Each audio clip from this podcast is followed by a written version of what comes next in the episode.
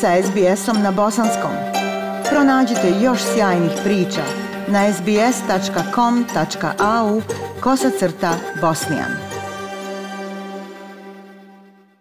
Aisha, pozdrav tebi i slušateljima SBS radija. Ovo javljanje iz Sarajeva započinjem eh, vješću koja je e, odjeknula u Bosni i Hercegovini, ali i u regiji. Naime, snjažan zemljotres jačine 5,6 stepeni po Richteru. Pogodio je kasno u petak, dakle 22.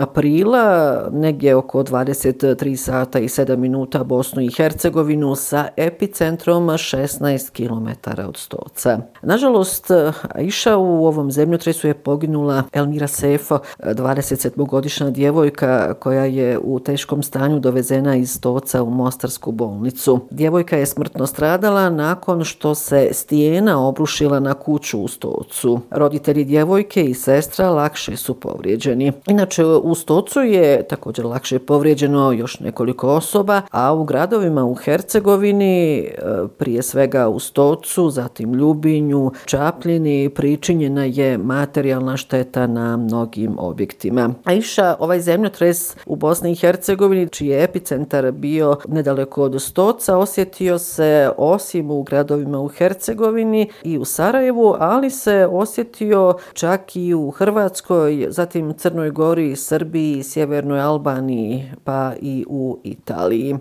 Ovaj zemljotres jačine 5,6 stepeni Richterove skale. E, peti je najjači zemljotres ikada izmjeren na tlu Bosne i Hercegovine i najjači u posljednjih 50 godina u Bosni i Hercegovini. Predsjedavajući predsjedništva Bosne i Hercegovine Šefik Džaferović i član predsjedništva Bosne i Hercegovine Željko Komšić 23. aprila, dakle dan e, poslije ovoga zemljotresa, obišli su stolac e, najpogođeniji grad ovim zemljotresom e, koji je, kako rekao, zatresao Bosnu i Hercegovinu. Tom prilikom Džaferović i Komšić su posjetili porodicu tragično stradale djevojke Elmire Sefo. U razgovoru sa porodicom, Komšić i Džaferović su izrazili iskreno saučešće. Nakon obilaska kuće u kojoj je tragično stradala djevojka, predsjedavajući predsjedništva Bosne i Hercegovine, Šefik Džaferović kratko se obratio medijima. Evo njegove izjave. Jedan mladi život je izgubljen i tu ne možemo ništa. Došao sam da porodici koja je također povrijeđena, izjavim saučešće da poželim brz i uspješan oporavak a materijalnu štetu ćemo nadokladiti. Ja sam razgovarao jutro i sa federalnim premijerom prije nego što sam pošao i sa ministrom za izbjegla i raseljena lica, Ramićem, dakle, Novalićem i Ramićem i što se toga tiče, oni će uraditi sve da se ova šteta sanira. To je između ostalog i njihova poruka. To je sve što bih ja mogao da kažem sad u ovom trenutku. Hvala vam. Gradonačelnik Stoca, Stjepan Bošković, e, izrazio je također sa učešće porodici tragično stradale Elmire Sefo i proglasio nedjelju 24. april danom žalosti na području grada Stoca. Iako smo se nakon potresa ponadali da je šteta samo materijalna, a razorna snaga prirode odnijela jedan ljudski život, ovim putem upućujemo iskrenu sućut obitelji Sefo zbog njihovog gubitka. Naše misli i molitve su u ovom trenutku s njima napisao je Bošković. Ivković. 23. aprila e, održana je sjednica gradskog e, stožera civilne zaštite Stoca. Kako se navodi, u obilasku grada i na terenu bile su sve gradske službe, dakle Stoca, komunalno preduzeće Stolac, zatim Crveni e, krst, križ i ostale gradske službe. Tokom ovog 23. decembra ove gradske službe Stoca nastavljaju sa obilaskom terena i čišćenjem odrona, kamenja i žbuke koja je otpala sa ruševnih i starih objekata te sa daljim izviđanjem na terenu. Kada je riječ o materijalnoj šteti, dakle nakon ovoga zemljotresa, za sada nema procjena, tako da se očekuje da će narednih dana, kada se tlo potpuno smiri, ići sa tačnom izvidnicom na terenu, a nakon toga će se utvrditi kolika je zaista materijalna šteta, kako već rekao, u gradovima u Hercegovini. Evo u nastavku e, još nekoliko aktuelnosti koji su obilježile proteklu sedmicu u Bosni i Hercegovini. Vijeće suda Bosne i Hercegovine 21. aprila izreklo je prvostepenu nepravomoćnu presudu kojom su Dragan Vikić, Jusuf Pušina, Nermin Uzunović, zvani Šok i Mladen Čovčić, zvani Rogatica, oslobođeni optužbi za ratni zločin protiv ratnih zarobljenika, odnosno ubistvo osam pripadnika Jugoslovenske narodne armije u Velikom parku 22. aprila 1992. godine u Sarajevu. U obrazloženju presude sudija Zoran Božić je kazao da tužiteljstvo Bosne i Hercegovine nije van razumne sumnje dokazalo da su Dragan Vikić u svojstvu komandanta odreda milicije Ministarstva unutrašnjih poslova Republike Bosne i Hercegovine i Jusuf Pušina u svojstvu pomoćnika ministra za uniformisanu policiju znali ili mogli znati za ubistva i da su propustili da kazne počinioce. Također nije dokazano da su Zunović i Čovčić kao izvršioci učestovali u ubistvu vojnika Jugoslovenske narodne armije u Velikom parku, kao ni da su tijela kasnije prevezli na Darivu gdje su zapaljena. Nakon što je komandant Dragan Vikić oslobođen svih optužbi za ratne zločine u Sarajevu, njegova braniteljica Adna Dobojlić zahvalila je svima na podršci i evo njene izjave. Ja sam naravno očekivala jer sam sve vrijeme ovog procesa bila sigurna da Dragan Vikić nije kriv i onako kako je sud to i obrazložio da i nije bilo efektivne kontrole nad počinjacima ovog krivičnog djela. Tako da pravda je zadovoljena u odnosu na Dragana Vikića.